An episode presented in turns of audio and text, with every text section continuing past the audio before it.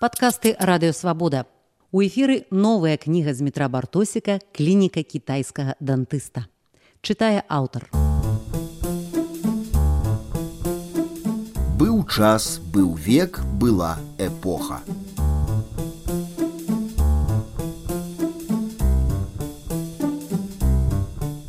Быў час, быў век, была эпоха геніяльны радок, які я ўзгадваю кожнага разу, гартаючы старыя гадавікі ліма ці зазіраючы ў энцыкляпедыі і даведнікі, прысвечаныя беларускай савецкай культуры. Лепш пра той час і не скажаш. Працягу гэты манументальны радок не патрабуе слоўнага працягу. Памяць сама дамалюе карціну эпохі, высокіх прызыдыумаў, поўных збораў твораў, службовых волгаў, пераходных чырвоных сцягоў, нарачанскіх лецішчаў, кватэраў на маркса і купалы, архвывадаў і прапрацовак, мясткомаў і партактываў і, вядома, членства ў саюзе пісьменнікаў. Гледзячы на старыя фотапартрэты высокіх членаў гэтай магутнай арганізацыі, я заўжды лавіў сябе на думцы, што не дай Бог застацца пасля смерти вось такім непрыступна эпахальным і броў броўка і крапіва і шмат хто яшчэ выглядаюць на здымках помнікамі самім сабе, але помнікі не могуць жыць і смяяцца. Мяне з маленства цікавіла закуліснае жыццё, бо менавіта за кулісамі адбывалася самае цікавае, жывое і смешнае. І шпацыруючы неяк пахмурным восеньскім вечарам па вуліцы Аляізы Пашкевіч, я пагрукаўся ў дзверы паэта Валянціна Тараса, бо не ведаю ў Менску лепшага апавядальніка пра тую эпоху. У вакне за сцяной дажджу шэрая аграмадзіна вялікага тэатру, у маленькім маленькіх чарках гаючы брэндзі, гасцінны гаспадар са смакам зацягваецца цыгаретай.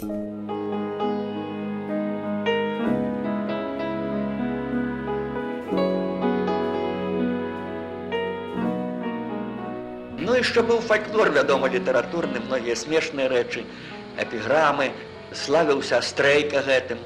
Ну, напрыклад, у яго ёсць на нябожчыка броўку, Пятрусь броўка піша лоўка піша спрытна і даўно, але ўсё, што піша броўка альбо дрэнь альбо гаўно. Яна дасціпная, конечно, парадках, але я не сказаў бы, што зусім слушна. Броўка, конечно, быў казённым паэтам абсалютна. Але вот калі мне давялося пазнаёміцца з яго лірыкай, я ўбачыў, што гэта наогул такі даволі цікавы паэт, лірык, але які ўсё жыццё спяваў не сваім голасам. Ён яго насілаваў, фарсіраваў, уздымаў да нейкіх пафасных вышэняў. Зброку у меня быў цікавы выпадак, даволі смешна, але ён характарызуе яго як чалавека. Я тады працаваў у звяздзе, так і пачынаў працаваць недзе першыя месяцы на галава у мяне крыху кружылася, столькі пісьменнікаў прыходзяць славутых, вядомых. І вот аднойчы ідуць вершы броўкі, не здаюць паласу з вершамі ўжо прыносяць, І нічы Парпашкевіч мне кажа, вычытай, падпішы і аддай. Я пачаў чытаць вершы мне вельмі не спадабаліся і не паказаліся мне недзе нават і непісьменнымі. Я ўзяў алогак і пачаў правіць. Направіў там на палях. Пашкевіч так паглядзеў на эту паласу, паціснуў плячыма, кажа, бяры служебную машыну, паязджаю каралішчавічы да броўкі, хай ён завязуе паласу.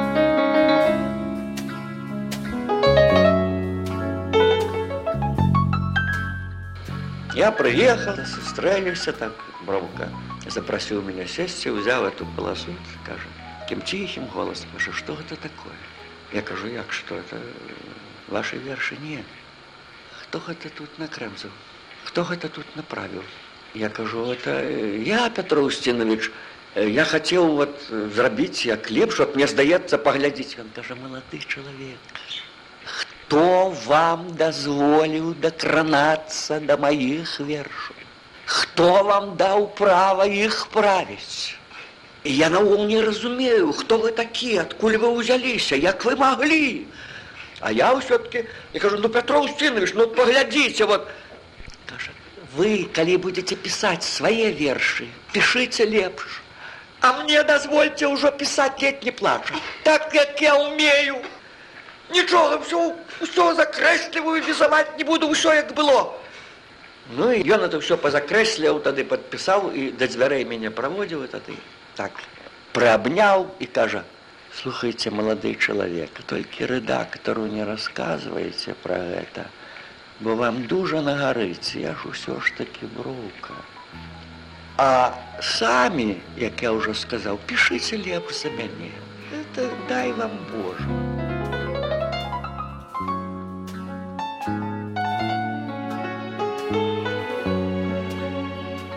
І вось бачыце ўсё-таки этот нейкая чалавечая рыса я уже з ім сустрэўся літаральна неўзабаве перад яго смерцю можа за якіх два месяцы ў парке горкага. Ён уже быў сукенькі высохшы такі смарчочак старэнькі. Паздароўкаліся і я ему кажу што выходзіць кніга пра кнігу у выдавецтве і што там ягоны верш у маім перакладзе ён сказаў ну дзякуй але я спадзяюся што вы хоць што-небудзь пакінулі там ад мяне самога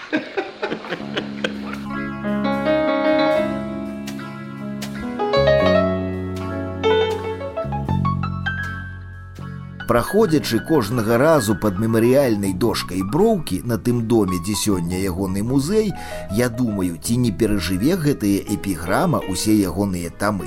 Зрэшты за кулісамі эпохі у расповедзе валенціна тараса з'яўляецца новы персонаж ну а калі гаварыць вот пра то што на сённяшні молод называе прыколы якія характарызуюць часы пісьменнікаў то я раскажу такі выпадак Андрэй Макаёнак, ён умеў рабіць самыя казачна недарэчныя рэчы з такім сур'ёзным выглядам.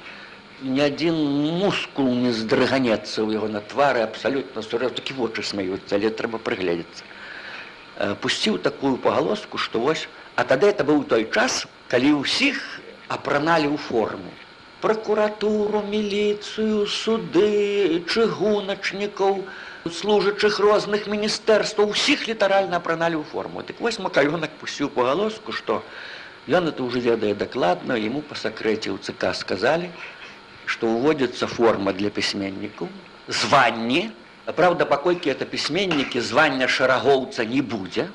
Будзе пачынацца адразу з малодшага лейтенанта малодшы лейтенант лейтенант старшы лейтенант капітан майор падпалкоўнік палкоўнік і генерал Ну а там уже таксама кажуць будзе нейкая градацыя, поўны генералцы. Ну і нейкі там мундур прыдумваецца такі вот падсюртук, як некалі хадзілі да рэвалюцыі. А на пагонах будуць скрыжаваныя пер'і. Малодшы лейтенант у цябе значит адзін гэты элементик са скрыжаваных пер'яў гэтак далей. І што ўжо распрацоўваецца спіс, каму якія. І што вы думаеце, сур'ёзныя дарослыя людзі, клюнули на гэта і значит пытает бы кірэнка пытается это я добра памятаю я при этом прысутнічаў. Здаецца у полами это было. Ну а, а мне якое званне будет так, Андрей кажа здаецца капітан А чаму капітан? Кажа ну я не ведаю чаму. А ты хто? Ну мне казалі что я нібыта майор. Так чаму ты майора я капітан І там яшчэ нехта і это на поўным сур'ёзе пачалі абмяркоўваць і што ці варта гэта наолу рабіць і ўсё. І макаёнак абсалютна так сказаць сур'ёзна ўсё это все. А тады маўзон ён быў прыяцелем праўда. Макаёнка пытаецца ну ладно Андрей ну скажы мне а хто я буду. Андрей на яго паглядзеў кажа ты знаеш што табе не наогул ніякае звання не прысвоіць. Табе просто памяняюць псеўданім ты будзеш цяпер не аркаць маўзон, а публі авідзій маўзон. І тут усе грохнулі і ўсе зразумелі, што гэта жарт, прыкол, як цяпер кажуць. Вуліца Макаёнка мой штодзённы краявід з вакна, вежа БТ, задворкі кінастудыі, шэрыі новабудоўлі, Але оказывается, я живу не на вуліцы флагмана савецкай драматургіі, а на вуліцы прыкаліста. Ён таксама некалі надзеў маску, кідаў такі нос гарбатынькі, бровы матлатыя стаў падобны на нейкага грузіна. Прыйшоў у полымя і кажа, што вот тут мы тут панамаеш сабіраем залатую энцыклапедыю такую. Это будет золотой энциклопедией. И самые лучшие из лучших будут, поэтому будут писать, и их будут переводить на грузинский. И гонорар сумасшедший. Там будет еще, кроме гонорар, будет бочка вина хороший, понимаешь, это будем доставлять все. Так мне нужен список самый лучший золотой пис писатель. Боже, что тут почалося, так само забегали. Нехто некому кинулся телефоновать. И только я помню, значит, нехто ці то не хаеце, хто не так прыгледзеўся і кажа, а што у вас з носам? Оно ж чырвоны чырвоны, это ж пап'емаше это. И тут Макайон. Как тебе не стыдно? Ты, слушай, ты, ты не джигит. Ты, ты, ты, что ты на мой нос обращаешь внимание, понимаешь? У меня искусственный нос, я настоящий под Сталинградом потерял. Что ты лезешь к мой нос? То не получишь бочку вина, и тебя не будем в энциклопедии брать. Ну и так э, праз колькі там минут ён сам это ўсё зняў это і пачаўся рохат. Але некаторыя ну просто як дзеці купляліся вот на такія рэчы.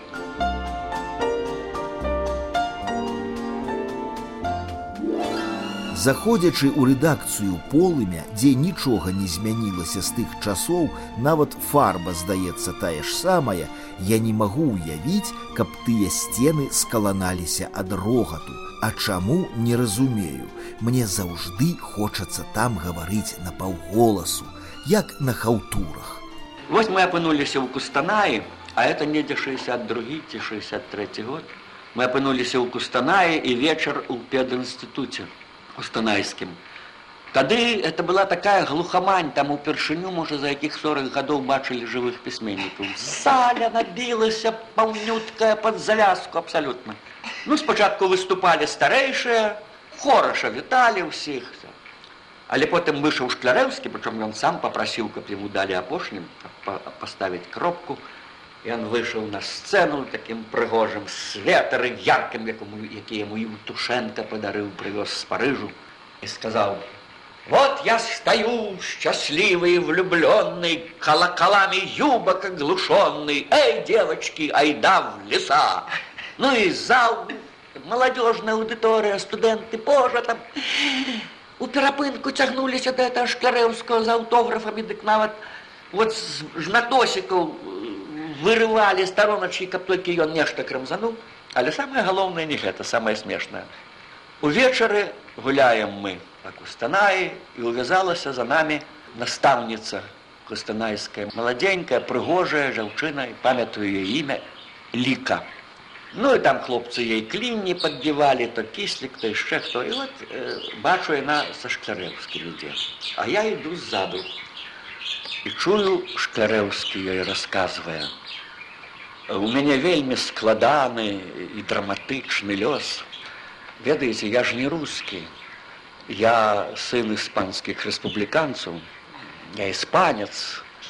У час вайны я скончыў спецшколу і мяне закідвалі у іспанскія горы у, вот, у франкійскую іспанію.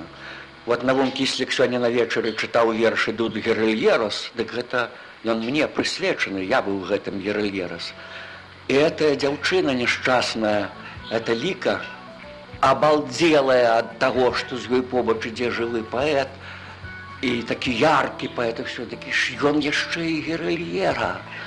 І ёй не прыходзіць у галаву, што ў тыя часы, калі Клярэўскі быў гелер'ера, ему споўнілася чатыры гадочкі.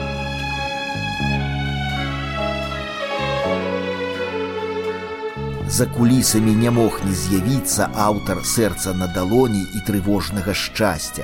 Прызнаюся, я прасякнуўся вялікай сімпатыяй да Івана Петровича не як да народнага пісьменніка, а як да чалавека, які не цураецца побытавых матэрыяў. Ведаеце, я таксама прывёз на візу нейкі матэрыял звяздоўскі шамякіным. Сядзім ён чытае, раптам уваходзіць яго жонка нябожчыца маша. Кажа ваня на хвіліначку ну что табе ваня там вот продаюцца кітайскія коўдры друг дужа прыгожыя а колькі каштуе такая коўдра Яна называе нейкую суму, я не памятаю па тых часах вельмі вялікую. Ён кажа, ну што ты звар'яцела такія грошы за ковдру плаціць. А тады яна ціхенька кажа: А брыліха купіла такая пауза. Шамякін кажа: ну, ну добра, ну можа адну і купім. І палез у шуфляду за грашыма.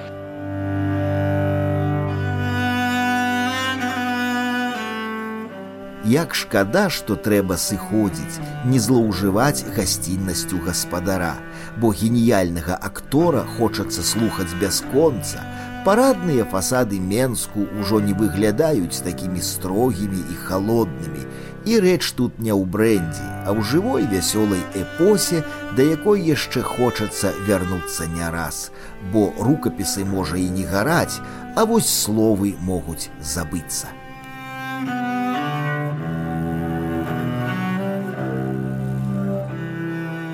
Вы слухали эпізод з новай кнігі з метра бартосіка клініка кітайскага дантыста у выкананні аўтара.